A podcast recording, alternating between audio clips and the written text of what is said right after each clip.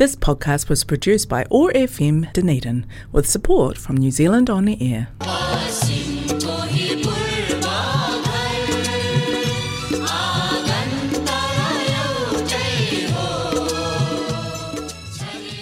नमाई हाय my नमस्ते हरेक मङ्गलबार साँझको चौतिस बजे प्रसारण हुने ओट्यागो एक्सेस रेडियोबाट सञ्चालित कार्यक्रम हाम्रो आवाजमा म टिका कौशिकको सम्पूर्ण श्रोताहरूमा हार्दिक अभिवादन।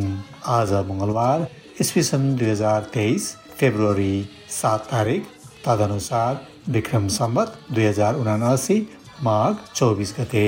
दैनिक नेपाली समाजको प्रस्तुति रहेको कार्यक्रम हाम्रो आवाजलाई प्रायोजन गरेको छ कनेक्टिङ कल्चर एथनिक कम्युनिटिजले कार्यक्रम हाम्रो आवाज ओट्यागो एक्सेस रेडियो एक सय पाँच दशमलव चार मेगाहजमा हरेक मङ्गलबार न्युजिल्यान्डको समयअनुसार साँझ छ तिस बजेदेखि सात बजेसम्म सुन्न सक्नुहुनेछ भने पोडकास्ट तथा आइट्युन्सबाट तपाईँले चाहेको बेलामा सुन्न सक्नुहुनेछ।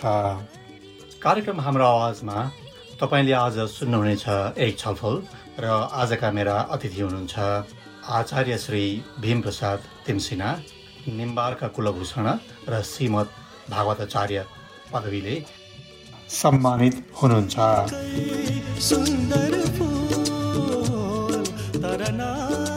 कार्यक्रममा यहाँलाई धेरै धेरै स्वागत छ। धन्यवाद। सारा दुनियाँबाट संसारभरि छरिएर रहेका नेपाली भाषीहरूबाट निरन्तर सुनिने हाम्रो आवाजमा आज म यहाँहरूका समक्षमा अतिथि भएर उपस्थित भएको छु। यहाँले मलाई आह्वान गर्नुभयो निमन्त्रण गर्नुभयो। मैले सहर्ष स्वीकार गरेँ र आज म यहाँ उपस्थित भएको छु। यहाँलाई धेरै धेरै धन्यवाद। यहाँको पदवी अथवा सेवा संलग्नको हामीले कुरा गर्ने हो भने असङ्ख्य छन्। जस्तै यहाँ श्रीमद् भागवताचार्य हुनुहुन्छ निम्बारका कुलभूषण हुनुहुन्छ सेवा तथा संलग्नतामा अत्यन्तै बाक्लो उपस्थिति छ जस्तै अब हिन्दू बुद्धिस्ट आध्यात्मिक केन्द्रमा उपाध्यक्षको भूमिकामा रहेर काम गर्नुभएको छ। अन्तर्राष्ट्रिय निम्बारका अध्यात्मक परिषदको अध्यक्ष पनि हुनुहुन्छ।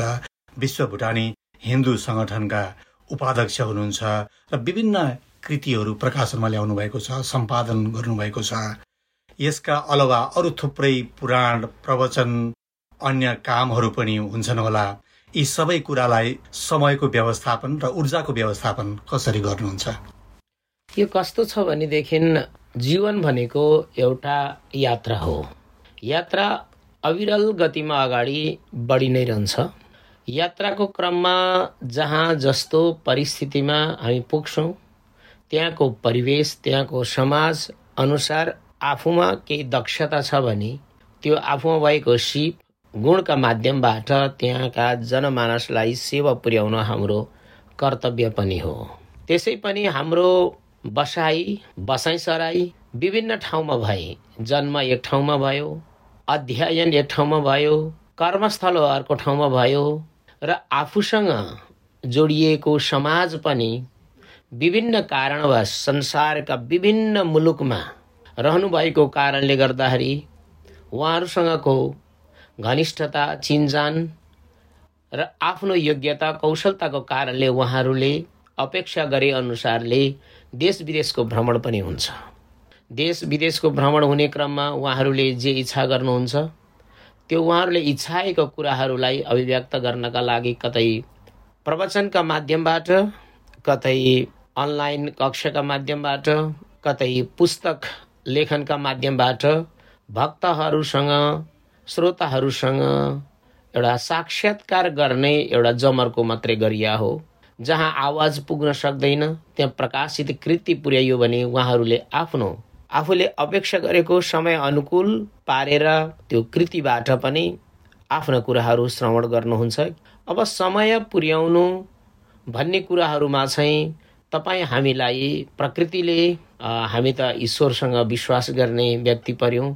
तपाईँ हामी सबै ईश्वरप्रति नै भरोसा गर्दछौँ। ईश्वरले समय पर्याप्त दिनुभएको छ।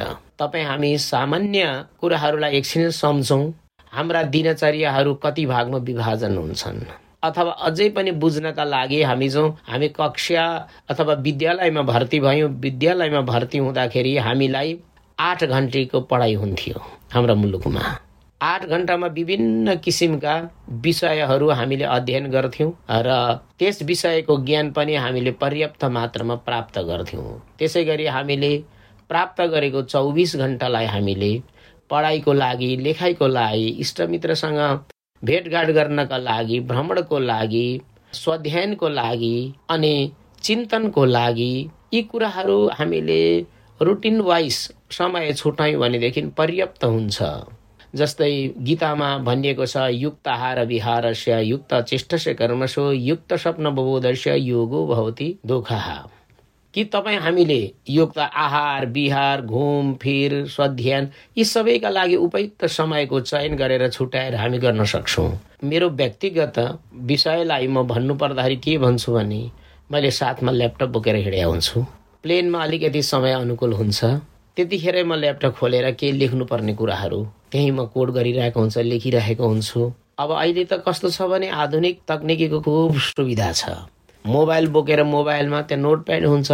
त्यसमा पनि आफूले प्राप्त गरेका कुनै पनि इन्फर्मेसनहरूलाई कोड गर्न सक्यो कैद गर्न सक्यो अनि कोड गरिसक्यो भने इन्फर्मेसन लिइसक्यो भने आफूले बसेको अलिक समय प्राप्त गरेका बेलामा त्यसलाई अलिकति भाषाद्वारा अलिकति त्यसलाई विस्तृत गर्न सकिन्छ भाव पल्लवन गर्न सकिन्छ विस्तार गर्न सकिन्छ अनि पछाडि आफूले कुनै टपिक राखेर शीर्षक राखेर कुन विषयमा म लेख्छु भन्ने भयो भने त्यो विषय त्यहाँ मिल्दोजुल्दो छ भने त्यहाँ राख्यो भने भरि गयो नि त्यो स्पेस त भरि गयो एवं क्रमले चाहिँ हामी पुस्तकहरू तयार पार्छौँ विषयवस्तु तयार पार्छौँ कहीँ कतै गइयो भने कसैको परिवारहरूसँग केही मिल्दाजुल्दाहरू केही अरूको लागि उहाँहरूमा भएका घटित घटना हुन् अथवा उहाँहरूले बताएका केही परिस्थितिहरू हुन्।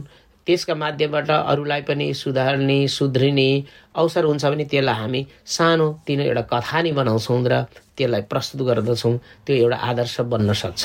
अत्यन्तै मिठो तरिकाले कसरी समयको व्यवस्थापन गरिन्छ यात्रा गर्दा कुनै पनि ठाउँमा जाँदा अथवा सिकेको कुरालाई तुरुन्तै हामीले टिपोट गरेर हामीले अगाडि ल्याउन सकिन्छ अरूलाई शिक्षित गर्न सकिन्छ आफै पनि शिक्षित हुन सकिन्छ भन्ने कुराहरू राख्नुभयो। अब हामी थोरै फ्ल्यासब्याकमा जाउँ। शरणार्थी जीवनका पनि केही रिफ्लेक्सनहरू थोरै गरौँ। भुटानको चिराङ स्थित लामी डाँडाबाट सुरु भएको जीवन आज कहाँ आइपुगेको छ? मेरो जन्म त चिराङबाट हो। मैले आफ्नो अध्ययनको क्रममा त्यही आफ्नै गाउँकै सानो प्राइमेरी स्कुल थियो। स्यामजोङ प्राइमेरी स्कुल भनिन्थ्यो त्यहाँबाट कक्षा चारसम्म मैले अङ्ग्रेजी माध्यमको शिक्षा हासिल गरेँ। त्यस पछाडि मलाई प्रभुले नै भित्रैबाट अलिकति प्रेरित गर्नुभएको के हो? त्यहाँ सानो परीक्षा भनिन्थ्यो। हाफ इयरली इक्जाम भनिन्थ्यो। त्यो हाफ इयरली इक्जाम गरिसकेपछि लामी डाँडा विद्यालयमा संस्कृत अध्ययनको लागि गएको हो। त्यस पछाडि मैले तिन वर्षसम्म रहेर लामी डाँडा विद्यालयमा संस्कृत अध्ययन गरेँ। त्यो अध्ययन पश्चात फेरि म बनारस हुँदै वृन्दावन पुगेँ। त्यहाँ गएर मैले भागवत अध्ययन गर्न पुगेँ। पछाडि मैले भागवत अध्ययन गरिसकेपछि गुरुबाट दीक्षित हुँदाखेरि मलाई भागवत शरण एउटा दीक्षित नाम दिनुभयो।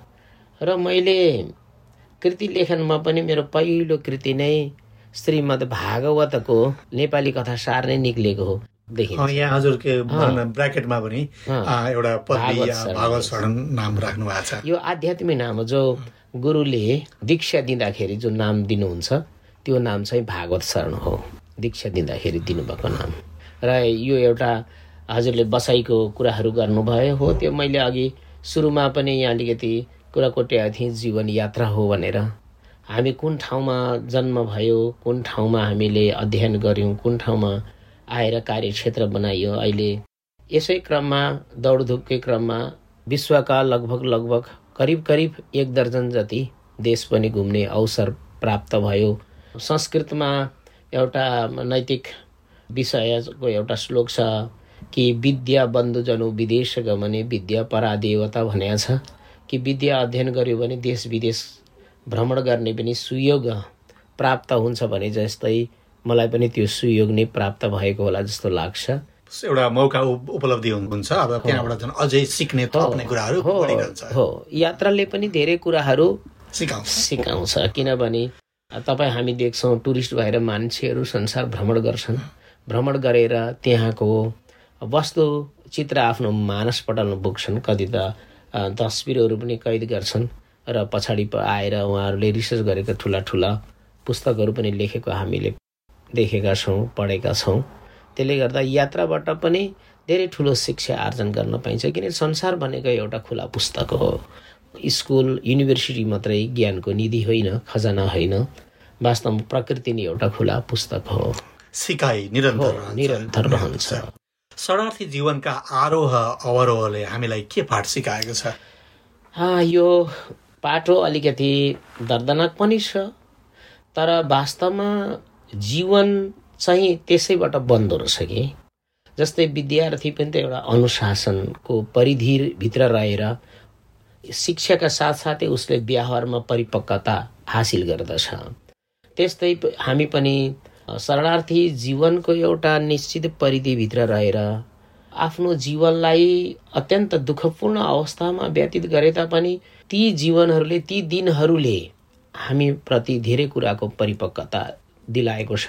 अभावमा हामी कहिले आत्तिँदैनौँ है? अभावमा आत्तिँदैनौँ। भोग तिर्खा सहन गर्ने अपमान तिरस्कार सहन गर्ने सबै क्षमताको विकास त्यसैबाट भएको छ। त्यसले गर्दाखेरि जीवनमा आउने आरोह अवरोह यी जुन द्वन्द्व हुन् यी द्वन्द्वलाई कसरी सामना गर्नुपर्दछ भन्ने कुरा ती दिनहरूले नै हामीलाई त्यस्तो पाठ सिकाएको जस्तो लाग्दछ। अहिले पनि कुनै पनि आपद विपद परिस्थिति आउँदाखेरि हामी त्यसरी आत्तिँदैनौँ धैर्य त हामीमा हुन्छै हुन्छ किनकि ती दिनहरूले हामीलाई सिकाएको त्यो पाठ हो। मलाई त्यस्तो लाग्छ। र एउटा शिक्षाकै नै त्यो एउटा अविस्मरणीय खण्डका रूपमा म सम्झन्छु। त्यसलाई नकारात्मक कुरा नलिएर त्यहाँबाट हामीले के सिक्यौँ भन्ने चाहिँ हाम्रो उपलब्धि हुनसक्छ हो। हामीसँग के थियो भने एउटा ऊर्जा थियो। हामी त्यसै पनि कर्मशील किसानका सन्तति थियौँ। हाम्रा पुर्खाहरूले यति कडा मेहनत गर्नुहुन्थ्यो। त्यो हाम्रो खुनमा थियो। तर एउटा निश्चित परिधिभित्र शरणार्थी क्याम्पमा बस्दाखेरि युवा शक्तिमा हामीमा त्यो खुन त्यसै नै बसिरहेको थियो। कहाँ जाउँ के गरौँ कहिले म भित्रको ऊर्जालाई युटिलाइज गरौँ प्रयोग गरौँ भन्ने त्यो एउटा बसिरहेको थियो भित्र। एकदम खरानी मुनिको अग्नि जस्तो बसेर बसिरहेको थियो। कतिखेर कतिखेर त्यो परिवेश मिल्छ र एकैचोटि त्यो स्पार्क हुने भन्ने त्यो अवस्थामा थियो। तर संजोगवश प्रभुको कृपा होला। देश विदेशमा जुन हामीलाई पुनर्स्थापनको क्रममा ल्याइयो। अहिले म हेर्छु बाह्र पन्ध्र वर्षको अन्तरालभित्र हाम्रा कम्युनिटीका भाइ बहिनीहरूले गरेको उपलब्धि देख्दाखेरि हामीलाई बडा आश्चर्य लाग्दछ। किनकि त्यो सृजनात्मक क्षमताको ऊर्जा आफूभित्र थियो त्यो आज बुलन्दी गरेका छन् उनीहरूले बडा अनुशासित ढङ्गले। र यो चाहिँ मलाई एकदम खुसी लाग्दछ। क्याम्पबाट हामीले प्राप्त गरेको त्यो ऊर्जालाई युटिलाइज गरिरहेको छौँ। त्यसैले गर्दाखेरि आज हामी यो अवस्थामा आएको जस्तो मलाई लाग्दछ। अब हामी फेरि वर्तमानतिरै फर्क्यौँ। यहाँ अन्तर्राष्ट्रिय निम्बार्क आध्यात्मिक परिषदको अध्यक्ष पनि हुनुहुन्छ। निम्बार्क सम्प्रदायको बारेमा केही बताइदिनुहोस् न। यो कस्तो सम्प्रदाय हो र यसले के उद्देश्य बोकेको छ र यसका जीवन दर्शन के हुन यो के छ भने निम्बार्क सम्प्रदाय भनेको चाहिँ वैदिक सम्प्रदाय हो किनकि जम्मा छवटा चाहिँ हाम्रो आस्तिक दर्शन हुन्छ तिनवटा नास्तिक दर्शन हुन्छन्। छवटा आस्तिक दर्शन मध्येमा एउटालाई वेदान्त दर्शन भन्छन् वेदान्त दर्शन जो वेद व्यासजीले प्रतिपादित गर्नुभएको उहाँले प्रतिपादित गर्नुभएका प्रस्थानत्रय भन्छौँ हामी गीता उपनिषद र ब्रह्मसूत्र भन्छौँ। यी तिनवटा चाहिँ ईश्वर प्राप्तिका लागि यी चिन्तनहरू छन् यसभित्र। र यो ईश्वरीय चिन्तनको विषयलाई अध्ययन गरेर हाम्रो पूर्वाचार्यहरूले एउटा आफ्नो फिलोसफी बनाउनु भयो। सोर्स तिनै प्रस्थानत्रय हुन् गीता उपनिषद र ब्रह्मसूत्र हुन् र पूर्वाचार्यहरूले त्यसका माध्यमबाट आफ्नो अनुकूल हुने आफ्नो सिद्धान्त बनाउनु भयो फिलोसफी बनाउनु भयो। र यो एउटा फिलोसफी हो वेदान्त दर्शनको निमार्ग। आचार्यले प्रतिपादित गरेको नि मार्गदर्शन हो। नि मार्गदर्शनलाई द्वैत द्वैत ड्युअलिजम भनेर भनिन्छ। किनकि ईश्वरका दुईवटा रूप हुन्छन्। एउटा साकार रूप एउटा निराकार रूप हुन्छ। त्यो साकार रूप नै त्यो निराकार रूप निराकार ईश्वरको अर्को स्वरूप हो थियो जस्तै तपाईँ हामी भन्छौँ एक हातमा हामी पानी लिन्छौँ तरल पानी अर्कोतिर बरफ लिन्छौँ। त्यो बरफलाई हेर्दाखेरि चाहिँ आकारमा देखिन्छ उताको जलको निराकार हुन्छ। तर तात्विक रूपमा हेर्ने हो भनेदेखि दुइटा एउटै हो। डुअलिजमको मुख्य दर्शन यही हो र स्वरूप स्वरूप स्वरूप फरक हो। एउटै तत्त्व हो जस्तै ईश्वर सर्वत्र हुनुहुन्छ भन्ने यो दर्शनले मान्यता राख्छ। समस्त चेतना चेतनात्मक जगत ब्रह्मात्मक। यो सारा दुनियाँमा भएको जति चाहे चेतन होस् होइन लिभिङ बिङ होस् अथवा नन लिभिङ बिङ होस् यो सम्पूर्ण ईश्वरकैद्वारा संरक्षित छ ईश्वरद्वारा नै आवासित छ भन्ने कुराहरू चाहिँ बताइएको छ। यसो अनुमान गर्दा पनि होला जस्तो लाग्छ जस्तै एउटा पृथ्वी तत्व पृथ्वी माटोमा पनि त्यो ईश्वरीय तत्त्व हुन्छ त्यो एनर्जी हुन्छ। यदि माटोमा त्यो ईश्वरीय तत्त्व एनर्जी भएन भने त्यो माटोमा जस्तै पनि हामीले बिउ रोप्यो भने पनि आउँदैन। त्यो ठाउँलाई हामी मरुभूमि भन्छौँ। यो जीवभित्रमा पनि त्यो ईश्वरीय तत्त्व जसलाई आत्मा भन्छौँ त्यो निस्केर गयो भने त्यसलाई मर्यो भन्छौँ हामी। त्यसले गर्दाखेरि ईश्वरले त्यो वस्तुबाट आफू अलग दियो भने त्यसले काम गर्दैन आफ्नो धर्मलाई उसले परिचालन गर्न सक्दैन। त्यसले गर्दाखेरि सारा जगत नै ईश्वरमा एउटा हिन्दीमा भनिन्छ ईश्वरमय यो जगत जानी छ नि। सिया राममय जगत जाने कर हो प्रणाम जोरी जुगु पार्ने भनेर भनिन्छ। त्यस्तै सारा दुनियाँ नै एउटा ईश्वरमय नै छ ईश्वरद्वारा नै संरक्षित आवासित छ भनेर हामी मान्दछौँ। वास्तवमा भगवान् भनेको पनि त्यही हो प्रकृति नै हो। भगवान् भन्दाखेरि भबाट भूमि नै आउँछ गबाट गगन आउँछ वाबाट वायु भन्ने आउँछ अबाट अग्नि आउँछ नबाट निर आउँछ। वास्तवमा भगवान् ईश्वर भनेको नै यो प्रकृति हो। समग्रताको बोध नै ईश्वरीय बोध हो। र हामीले यसरी बुझ्दछौँ र यो निमार्ग सम्प्रदायको सिद्धान्त पनि त्यही हो सारा दुनियाँ नै ईश्वरमय हो भन्ने हो। यसले के गर्दछ भने आफ्नो इष्टदेव चाहिँ राधाकृष्णलाई मानेको हुन्छ किनकि गीत श्रीमद् भागवत गीताको पन्ध्रौँ अध्यायको पहिलो श्लोकमा सर्वेश्वर भगवान् श्रीकृष्णले के भन्नुभएको छ भने ऊर्धमुला अथवा शाखा भन्नुभएको छ। म चाहिँ सबैभन्दा माथि छु र तलका सबै मेरा शाखा हुन्। भनेको हुनाले गर्दाखेरि परमपिता परमात्मा भगवान् सर्वेश्वर हुनुहुन्छ भनेर आराध्यका रूपमा चाहिँ निम्बार्क सम्प्रदायका जति पनि भक्तहरू हुनुहुन्छ राधाकृष्णलाई मान्नुहुन्छ त्यसै पनि के छ भने वैदिक सम्प्रदाय चारवटा सम्प्रदाय छन्। श्री वैष्णव निम्बार्क वैष्णव माधव र वल्लभ छन्। सबै सबैले प्रकारान्तर रूपमा मान्ने श्रीकृष्णलाई नै हो। जस्तै रामानु सम्प्रदाय छ। राम भनेको बलराम हुनुभयो उहाँको अनुजा भनेको भाइ कृष्ण हुनुभयो। मानेको त इन्डाइरेक्ट रूपले भगवान् कृष्णलाई नै हो।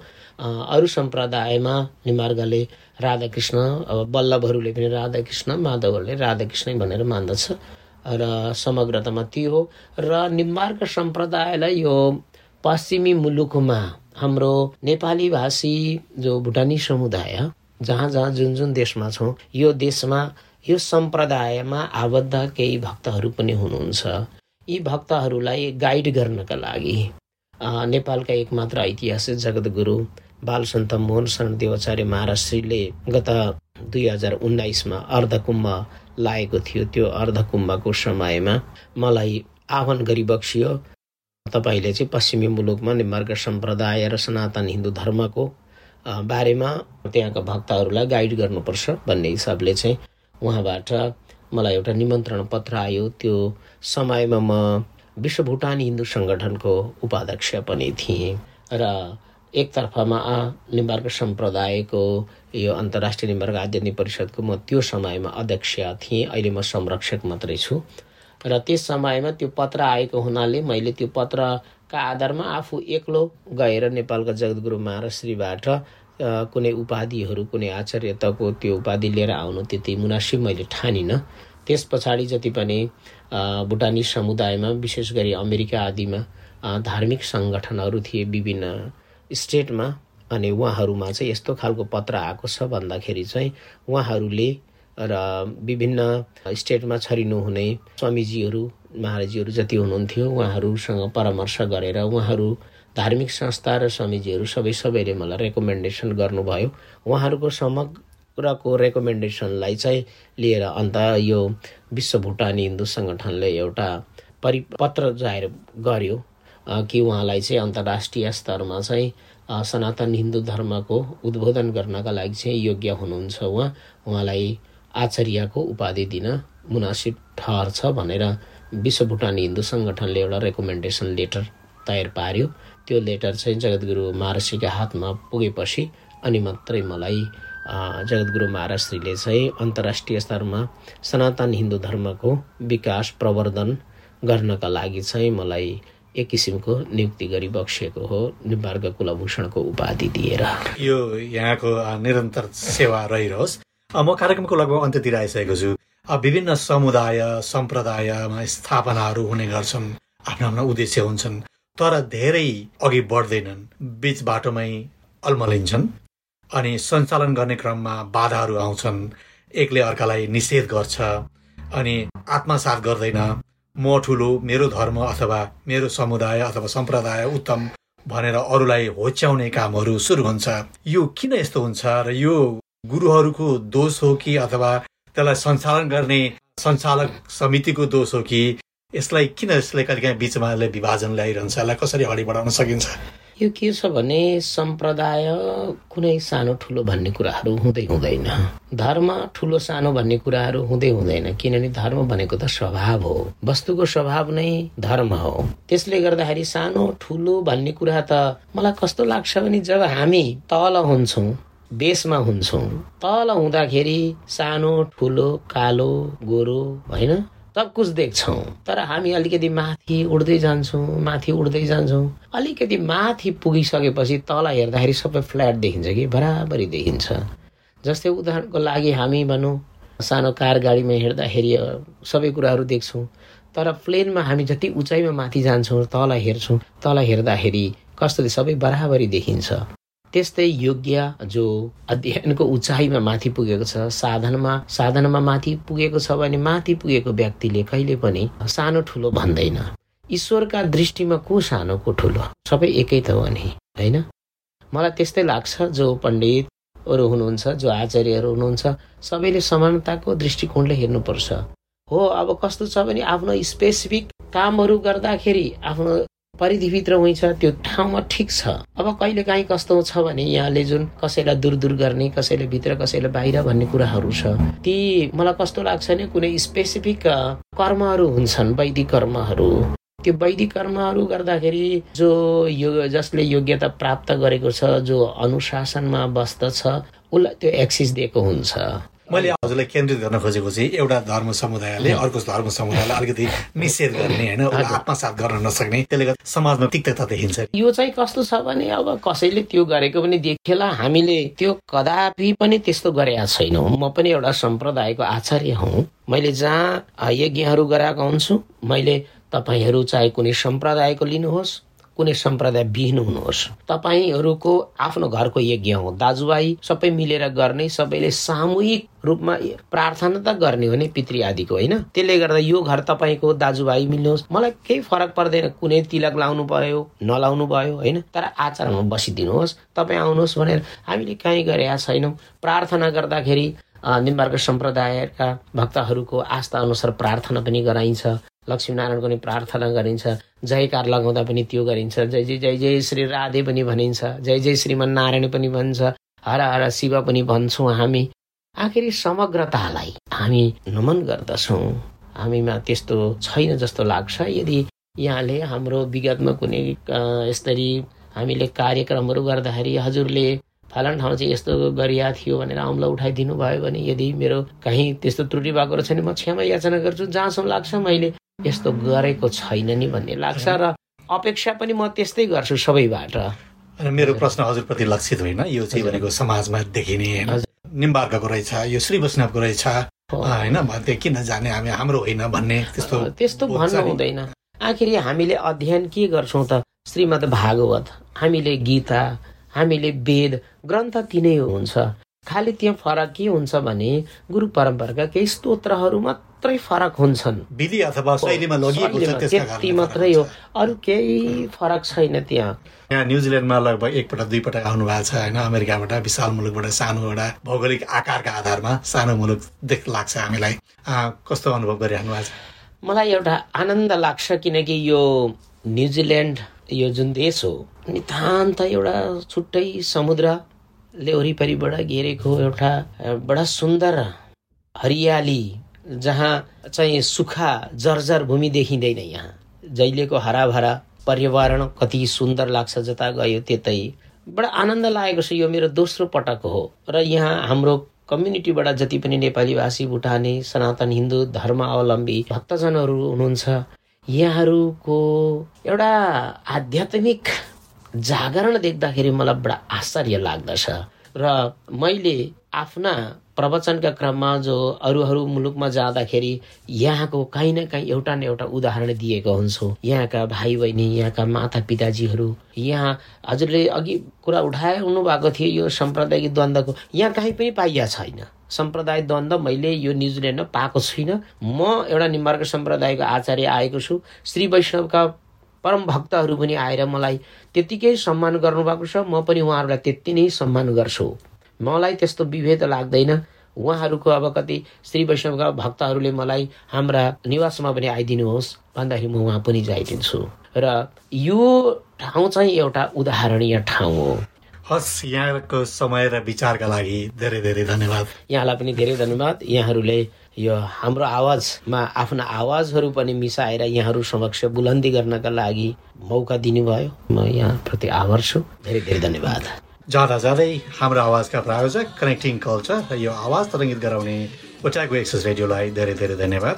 त्यस्तै गरी आजका मेरा अतिथि श्री भीमप्रसाद तिमसिना भागवताचार्य र निम्बाका कुलभूषणलाई धेरै धेरै धन्यवाद भन्दै आउँदो मङ्गलबार साँझ छ तिस बजे फेरि भेट्ने भाषाका साथ प्राविधिक मित्र जेफ र म टिका कौशिक ओजेल हुन चाहन्छु।